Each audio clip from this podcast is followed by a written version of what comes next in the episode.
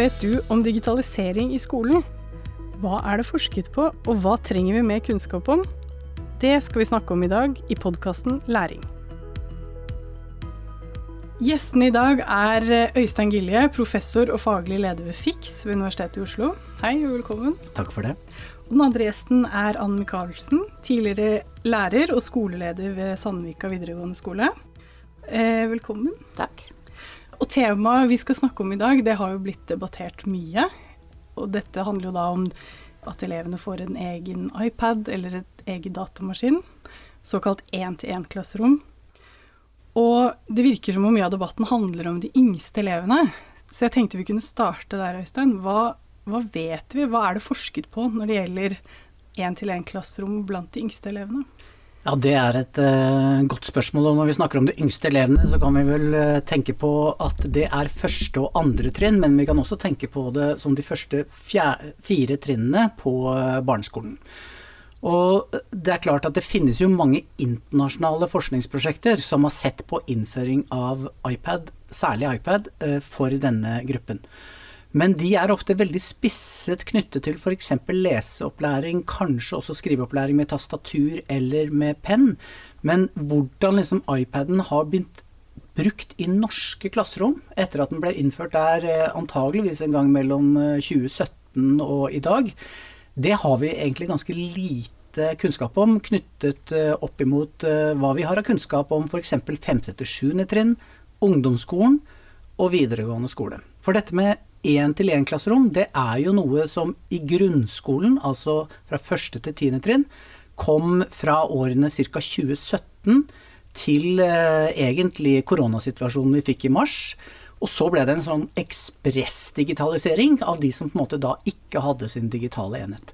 Så man kan vel egentlig tenke seg at eh, nå så vil alle elever fra første til tiende klasse ha eh, en eller annen type digital enhet som er deres, og som de arbeider med både på skolen og hjemme. Mens i videregående så har det jo vært ganske annerledes, for der har jo elevene hatt en egen digital enhet i mange år. Ja, det har de. Mm. Mm. Og, men hva vet vi da om erfaringene på videregående? Hvis vi starter den andre enden, begynner med de eldste elevene. Altså, når du starter med noe nytt, så er det alt, alltid vanskelig. ikke sant? Og det er alltid stor motstand. Og jeg tror du kan gå tilbake og se på alt uh, i skolen, at det har vært motstand mot det. Uh, det glemmer man jo ofte fort. Uh, Sandvika videregående startet jo veldig tidlig, i 2006 allerede, når vi startet skolen, med bruk av PC-er til alle elevene. Og det var mange som var veldig skeptiske til det. Så det var Det var mye som foregikk av protester på den tiden også. Men men det som er kanskje forskjellen på videregående og barneskolen, er at foreldre engasjerer seg mye mer i barneskolen enn på videregående. På videregående er det, er det mye mindre engasjement når det gjelder pedagogikken og i klasserommet. Så det gikk jo mer på hva elevene vente seg til, og lærernes mest av alt, selvfølgelig. Og så var det den tradisjonelle kampen med papirbok og digitale læremidler, hvor eh, man bastant sa at alt som var på papir, var mye bedre enn alt som var på data. Og sånn er det kanskje ikke nå? Å, det er et stort spørsmål. Altså, det er klart at hvis du går og ser på akkurat det med leseferdigheter og trene det opp, så vil det jo være enkelte studier som nå kommer til å bli publisert, som antyder, riktignok på datamateriale fra USA, at det er en fordel for særlig de som går på barnetrinnet, og kunne lese ganske mye på papir, kanskje da i tillegg eh, til skjerm. Men for eh, eldre elever og også studenter så peker forskningen i litt ulike retninger. Eh, så det er ikke så veldig lett å gi et sånt eh, fasitsvar med to streker under på det. Eh, dette med forskning er jo veldig vanskelig, sant? at spørsmålet om papir og skjerm, det er et sånt Da tester vi én gruppe med skjerm og én gruppe med papir, og så ser vi hvem som gjør det best på testen. Ja. Og det er jo det målte læringsutbyttet. Og det er klart, når du introduserer med å si at det er stor debatt om disse skjermene for de yngste, så kommer jo foreldrene veldig ofte med en frustrasjon knytta til det å skjønne hva som skjer på skjermen, men også en en, hva skal vi si, en uh, litt sånn redsel for at elevene ikke skal lære. Fordi at dette er nytt, sånn som Anna er inne på. Eh, og vi snakker ofte om at det er seks ulike innganger på dette med å skulle forstå digitalisering i skolen.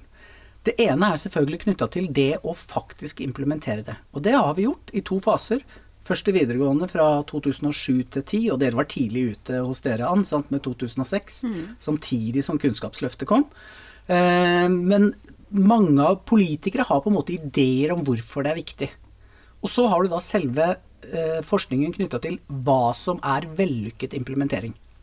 Og det er rett og slett hvordan man bygger kompetanse blant lærere. Og der har jo mange nå bygd kompetanse i ekspressfart fordi det ble kasta over på Teams i løpet av en helg. De to neste er det vi er inne på med papir og, og skjerm. Og, og, det er jo knyttet til liksom, hva er læringsutbytte? Er det bedre å jobbe med en app i matematikk enn boka? Og hvordan kan vi måle det? Det er mange opptatt av, og det går an å gjøre på helt avgrensa kunnskapsområder. Men det andre, som ikke er objektivt utbytte, det er jo det subjektive. For da må du rett og slett spørre elever hvordan syns du det er? Sant? Og dere på Sandvika, sant? hvordan syns elevene at det er? F.eks. det ene er å jobbe med maskin, men hvordan syns elevene det var å få digitale bøker etter hvert? For det ble sikkert en debatt. Det var jo en debatt, selvfølgelig. Og vi hadde et forsøk eh, ganske tidlig med tre klasser som fikk bare bruke Unibok, da, som vi har brukt en del på Sandvika. Og det var jo litt ramaskrik til å begynne med, fordi at eh, elever er jo like konservative som voksne. Kanskje til og med enda mer. For du må huske at når elevene er jo vant til at læreren står på tavlen kanskje, sier at dette må du huske til prøven, kan du dette så får du gode karakterer. Mens nå med læreplanen fagfornyelser så er det jo en helt annen måte å jobbe på skolen. Så jeg føler at vi var på god vei mot det når vi innførte både fagdager og bruk av, av PC-er og læremidler på nett. Etter ett år eh, så var det entydig at alle var begeistret for det, men at de foretrakk matematikkboken i papirformat. Eh, så er det sånn at Vi hører jo selvfølgelig både på elever og lærere. Vi har jo aldri tvunget noen til å bruke noe bare for at vi syns det er en god idé, men vi har hatt lærere som har prøvet ut, og så har vi spurt om de vil fortsette med det. Og Det, det er en god måte å implementere ting på, eh, syns jeg. Så på Sandvika er det mye bruk av mye forskjellig. Man kan godt gå på biblioteket og hente seg en papirbok hvis man foretrekker det. Jeg tror det er veldig viktig å si at det, det er ikke sånn at unge mennesker alle liker det, og eldre mennesker alle Nei. liker det. Ikke sant? Ja. Men da, da hadde du gått gjennom fire punkter, og så var det mm. to til. Ja. Altså de to første punktene dreier seg rett og slett om implementeringen. Ideene hvorfor vi gjør det. Og det har jo mange stilt kritiske spørsmål ved. Eh, og politikerne har sine svar, og andre kan ha andre svar. Og så altså hvor vellykket det er. Eh, og da vet vi jo at det nytter ikke bare liksom si at nå jobber, vi tre måneder med dette, og så får du bare fortsette på egen hånd. Du må ha stadig støttestrukturer rundt det å bygge ny praksis i klasserommene. Men det objektive og subjektive læringspunktet, eh, nei, unnskyld, læringsutbyttet, som er punkt tre og fire, eh, det er altså to ganske forskjellige ting.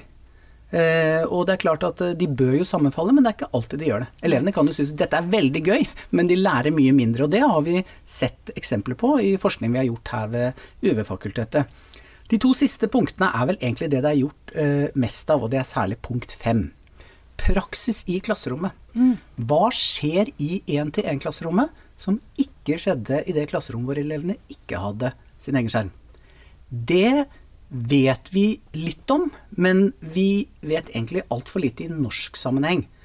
Så når vi begynte i FIX, eh, som står for forskning, innovasjon og kompetanseutvikling i skolen, å spørre kommuner om hvordan de hentet kunnskap på det å ha praksis i klasserommet, altså nye måter å snakke sammen på, nye måter å jobbe på med en skjerm, så hadde de egentlig veldig lite å bygge på. Så vi hadde et prosjekt som het Gode eksempler på praksis, som vi gjennomførte på ungdomsskoler, ti ungdomsskoler i fem kommuner. Og den rapporten var ferdig ganske nylig. Og da ser vi jo flere ting som vi kan komme inn på senere, men blant annet så ser vi at eh, måten elevene arbeider på, de endrer seg. Det blir mer arbeid i par eller grupper, eller særlig alene. Og jeg vet ikke, nå har vi vært i ungdomsskolen, Ann, men du har kanskje sett denne utviklingen på videregående fem til sju år før det vi har sett i ungdomsskolen? Ja, at uh, bruk av PC endrer måten mm. man jobber på. Og det, det, er et veldig viktig poeng, Øystein, fordi at hvis en ikke gjør det, så er det helt feil. ikke sant? Og jeg har ofte sagt det at hvis, hvis man ikke endrer pedagogikken når man får en PC i klasserommet, så kan man like liksom godt la være å ta en PC inn i klasserommet. Oi, det, ja. Ja, for jeg, fordi sånn som forskningen til Marte Blikstad Barlas, hvor elevene satt og spilte spill og leste VG mens læreren sto og holdt en powerpoint-presentasjon, og så gikk de hjem og leste, og så fikk de gode karakterer. Det var ikke noe poeng. Altså, Mm. Da kunne de liksom godt tatt igjen lokket. Så det er så viktig med klasseledelse, og det er så viktig at læreren planlegger hvorfor gjør jeg dette, og hvilket utbytte ser jeg for meg. ikke sant, at eleven, Og så ta med elevene i diskusjonen på videregående ungdomsskolen. Er det veldig eh, fornuftig? Eh, og det går også an som lærer i mange år å ha en differensiert undervisning. Noen kan kanskje ikke sitte med den iPaden foran seg, for de blir distrahert. De gjør helt andre ting. Du må i hvert fall passe på at de sitter foran øh, med deg, så du ser hva de gjør. Jeg har fått flere spørsmål fra lærere på ungdomsskolen. Hvem sitt ansvar er det hvis elevene sitter og ikke gjør det de skal? Det er alltid lærerens. Ja. Alltid lærerens. Og foreldre skal være helt rolig på at læreren vet til enhver tid hva som foregår i klasserommet, og det er godt planlagt. Men det høres ut som dette krever mer av læreren, kanskje? Eller andre, Ja, andre evner eller Absolutt. andre Så man kan ikke implementere noe nytt og bare tenke at eh, vi gjør det fordi vi må følge med i tiden, er jo et veldig dårlig svar på hvorfor man bruker iPad. Fordi vi gjør det fordi vi ser at det og det fører til bedre læring. Dette gjør at når foreldrene eh, får barna hjem, så står det hva de skal gjøre med instruksjonsvideoer, sånn at foreldrene også blir oppdatert. Det er jo ikke alle foreldre som kan alle, alt på barneskole eller ungdomsskole. Og så skal lette hverdagen for barna og foreldrene for de små, og det skal lette hverdagen for elevene og lærerne på videregående. Så hvis det er noe nytt, og det vil si at lærerne bruker masse tid på å lære, og det er ikke noe bedre enn det de hadde fra før Og så er det jo ikke noe poeng å gjøre det.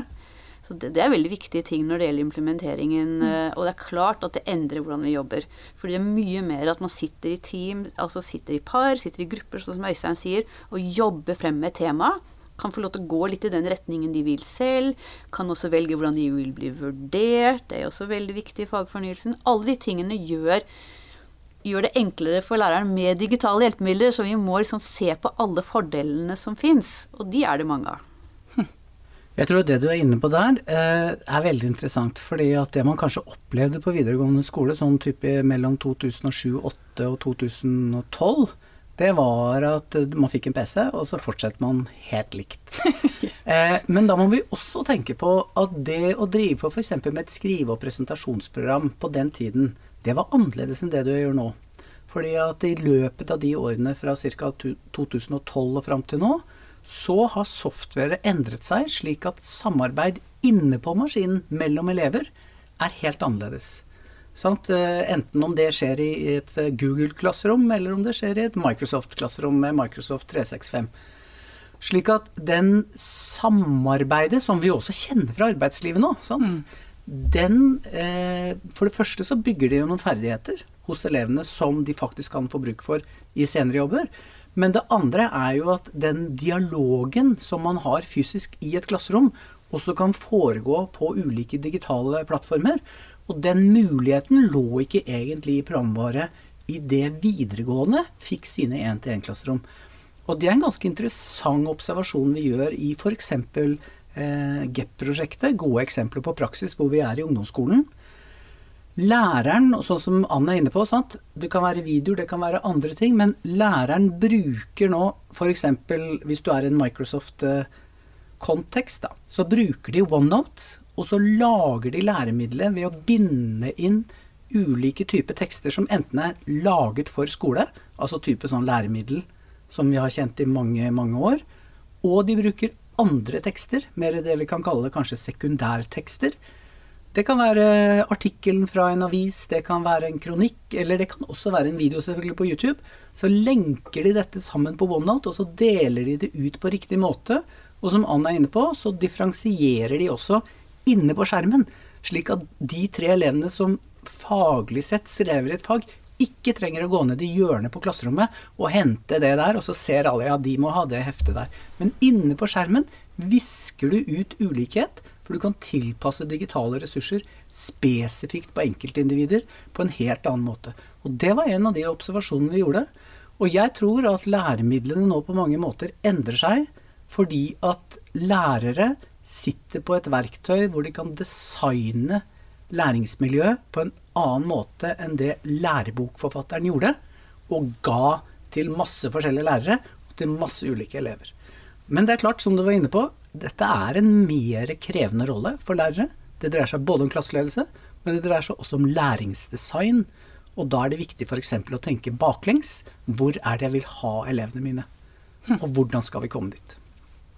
For det høres ut som at for den rette læreren, da, så må jo dette være kjempegøy. Altså, da får jo muligheten til å være kreativ, utfolde seg på nye måter. Men for en som kanskje ikke er så kreativ, da kan det kanskje bli mer krevende? Jeg vet ikke om.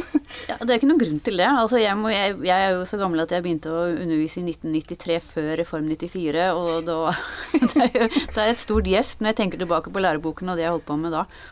Det som er og, og det forteller en del delingskultur i dag. For det er en enorm delingskultur. Og alle elsker å dele med andre. Og det er så hyggelig når du hører at noen har vært inne og sagt 'Å, den eh, planen du lagde der, den har jeg brukt, den var fin'. Når jeg begynte på skolen i 1993, så var det en perm på lærerværelset. Og den fikk jeg beskjed om at den kunne jeg bare bruke når jeg hadde vært der noen år. Er det sant? Jeg måtte opparbeide meg. så den kunne jeg ikke bruke. Nei, altså det behøver ikke være det. Og jeg ser på oss på vår skole, lærerne er så gode til å dele undervisning. De, de, planlegger sammen i team. Etterpå så møtes de for å høre hvordan det gikk, hvordan læringen var. Så, så sånn jobber jo lærere i dag. Så alt henger sammen som hånd i hanske når det gjelder det digitale på den måten der. Hm. Ok, da har vi snakket om fem av seks punkter. De to første handlet om implementering. Og så var det to punkter om elevers subjektive og objektive opplevelse. Og så var det da dette som det er forsket mest på. Og det ene var hva vi gjør i klasserommet. Da er jeg nysgjerrig på hva er det siste punktet, Øystein? Ja, det dreier seg vel også om klasserommet, men kanskje litt mer utvidet med å tenke hva gjør det med læringsmiljøet? Og oppi den sekken der så kan vi jo putte masse forskjellig, sant. Eh, Ann var inne på det tidligere. Disse elevene som gjør noe helt annet fordi at undervisningsformen ikke er tilpasset at klasserommet er blitt et én-til-én-klasserom. Men det andre er jo selvfølgelig mobiltelefonbruk, eh, mobiltelefonhotell. Altså plutselig er vi inne i den store debatten igjen. Og her har vi egentlig ikke så mye forskning, og det er ganske viktige temaer. For trekker du det enda lengre, så har vi jo skapt et digitalt miljø som gjør at det kan skje mye håper jeg, digital mobbing mm. under radaren for læreren. Fordi at det elever er flinke til, det er jo å finne ut dette softwaret som nå skolen ber meg bruke, hvordan kan jeg ta og chatte her med noen andre elever mens læreren snakker? Og det regner jeg med at særlig både på at elever gjør hva de ikke skal, men også med digital mobbing og sånn. Der har vel dere sett en utvikling sikkert på videregående? Ja, altså det vi ser jo er med distraksjon f.eks. så var det jo mye større på VG1. Og etter hvert som de ble på VG3, så, så ble de um, mer modne og mer de så at de trengte gode karakterer for å komme inn på universitet og høyskoler, selvfølgelig. Men, uh, men våre elever er veldig ambisiøse når det gjelder det. Men det er klart at man går i fellen. Uh, det gjør jo vi voksne òg, så det er jo fint å snakke litt om det av og til. Det er mange små ting man ikke merker seg, f.eks. at man kan gå fra en PC og Facebook står åpen, og noen går inn på din bruker og sender en melding som ikke du står for, eller at du spiller Kahoot f.eks., og læreren bare lar elevene ha nicknames som de lærerne ser ikke at det er noe som foregår i klassen. Ikke sant? Det er mange ting der man må sette seg inn i. Men jeg tror det viktigste er at man snakker med elevene helt fra barneskolen det med Hvilke sider logger de seg inn på? ikke sant? Det finnes jo mange sider hvor man må kjøpe ting, hvor man eh, går inn eh, med en profil. Det finnes jo mange flotte steder du bestemmer, og mange steder foreldre også kan gå inn og se der. Det er et stort ansvar eh, vi har i skolen, og det er alltid lærerens ansvar. At ikke noen sitter og ser på Netflix eh, i tre år på videregående, f.eks. Det er fullt mulig, faktisk. Så og, og det, bare, bare snakke om at hvis du sitter i et møte og ser på noe, så forstyrrer du jo alle rundt deg. For man blir jo tiltrukket av skjermen, ikke sant. Så det er veldig mange ting man kan gjøre der. Jeg tror lærerne hos oss er ganske godt uh, forberedt på de forskjellige tingene der, men det må stadig Plagiering f.eks. når elevene kommer. Vi opplevde stor forskjell før, da, når ikke de hadde så mye dekning av PC-er og iPader i, i barne- og ungdomsskolen. Nå har de jo det. Så vi opplever at de er flinkere. Men elever har en utrolig selvtillit. F.eks. når det gjelder søke informasjon, så er det jo flere undersøkelser hvor elevene har, har skåret seg selv veldig høyt på at de er gode til å søke informasjon, samtidig som de sier at ingen har lært dem det. Så det må de lære. Det er ikke bare å google et eller annet ord og så ta de tre første søkene f.eks. Og, og tenke at det er bra. i, i, dag hvor fake news er et sånt tema, hvordan er du sikker på at den informasjonen du finner, er virkelig sann? Så, så det, er, det, er, et helt kapittel man må gjøre der. Så det, det, er mange nye ting for lærere i klasserommet. Det er jo veldig spennende, da. Mm. Vi startet jo med å si at dette er jo et tema det har vært mye debatt rundt. Én-til-én-klasserom. Og det er nok mange foreldre, kanskje de som er foreldre til de som skal begynne på skolen til høsten, er bekymret kanskje og hvilke råd kan du eventuelt gi til disse foreldrene? Er det noe de kan gjøre, eller er det ja. ja jeg, jeg, forstår bekymringen godt. Jeg ser jo jeg er eh, faktisk uh, både farmor og mormor til noen små, og de blir jo tiltrukket av denne skjermen, ikke sant, og de skjønner hvor mye morsomme og spennende ting det er der. Jeg vet at unge foreldre er veldig flinke til å legge bort disse skjermene og ikke la de bruke de så ofte. Og så er de engstelige for at hvis de bruker det på dagen, hele dagen på, i skolen, så ville det gå utover konsentrasjonen og de tingene som, som det. Så mitt råd er jo også å snakke med skolene, da, og høre hvordan de blir brukt, og hvor ofte de blir brukt, om de blir lagt til side, om de blir passet på, hva de er på, hvilke program de skal bruke, at foreldrene følger opp når elevene kommer hjem fra skolen, og, og snakker med dem hva har du gjort i dag, og hvordan har du brukt det. Og at, du, at, barn er ute og leker og løper og gjør alle andre ting, at de ikke sitter foran iPaden hele tiden, det, det forstår jeg godt at eh, det må vi for all del unngå. Eh, skolene har jo innført dette her fordi det er et instrument for å lære bedre og mer, og det kan tilrettelegge, som Øystein sa, det kan differensiere på en helt annen måte. Så jeg tror vi må prøve å fokusere på de fine tingene, sånn at vi ikke går liksom i den der dalen hele tiden på at vi er engstelige, for det er ingen grunn til å være det hvis man bruker det riktig. Mm. Og også da rådet er å rett og slett eh, gå i dialog med skolen, da. Ja, det syns ja. jeg. Mm. Mm. Ja, men det er gode råd. Og Øystein, nå har vi jo, eller dere har fortalt, særlig du, da, om hva det er forsket på. Mm. Men som vi startet med å snakke om, det er jo forsket kanskje lite på første til fjerde klasse. Så jeg er litt nysgjerrig på, du som mm. er på dette feltet, hva, hva er det du kunne ønske deg at det ble forsket mer på? Hva tenker du at vi som samfunn trenger mm. av kompetanse og kunnskap jeg tror jeg skal presisere og si at uh, når vi har en samtale som det her, så kan jeg ikke gi et helt utfyllende bilde Nei, om hva det er forsket på eller ikke forsket på. det Men det er klart at det er mye internasjonal uh, forskning som delvis er brukt i norsk sammenheng. Men det jeg har prøvd å påpeke, det er at i norsk sammenheng så er det ikke så mye forskning på første til fjerde klasse som, som jeg kjenner til. Og det tenker jeg er en utfordring, fordi at vi vet nå at majoriteten av disse trinnene, elevene på disse trinnene, har en digital enhet. Og hvordan den blir brukt eh, i ulike typer typiske aktiviteter i begynneropplæringen, eh, det tror jeg det bør settes mer fokus på. Det andre er jo at den å si, andre digitaliseringsbølgen som har pågått i grunnskolen, hvor alle elever nå har fått sin egen digitale enhet, sånn som i videregående for over ti år siden, det har skapt en ny type undervisning. Og det betyr at hvis du liksom går fem til sju år tilbake til et studie hvor liksom disse skjermene ikke fantes på femte til sjuende trinn eller ungdomsskolen, så må man liksom spørre seg hva, hva er relevant av forskningsfunn fra et sånt studie? Som har dreid seg om teknologi, da kanskje på et eller annet vis, og hva er ikke relevant. Slik at eh, etter eh, koronasituasjonen nå, og du får en si, etablert fysisk undervisning igjen, hva har det digitale rommet som vi har skapt læring i gjennom eh, ja, snart et år, gjort med læringsprosessene, og da særlig praksis, dette punkt fem som jeg var inne på.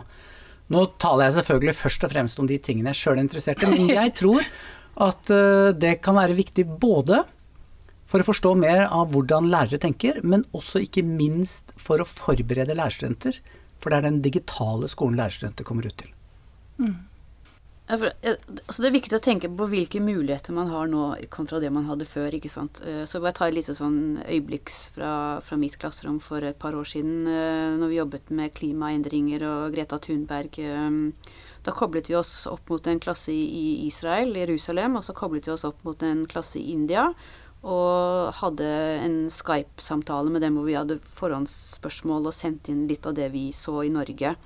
Eh, så koblet vi på Australia, og det er litt vanskeligere tid, så da kjørte vi ikke sånn synkron, men asynkron.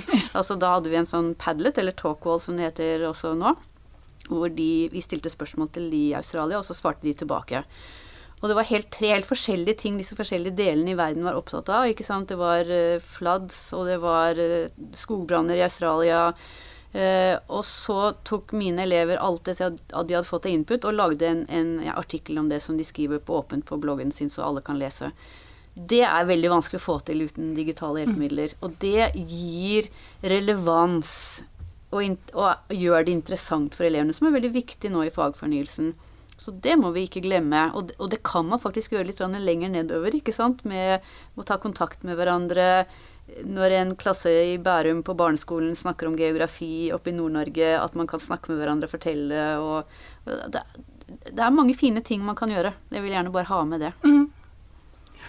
Ja, det tror jeg absolutt på. Fordi at det der å åpne for en eller annen samtale som kanskje da skjer på Teams eller i Google Classroom eh, nå, eller Google Meet heter det vel, det vil jo være helt annerledes for en lærer enn, enn liksom før vi hadde koronasituasjonen. Så jeg har lyst til å legge til at den måten elevene kan vise hva de kan, har endret seg veldig.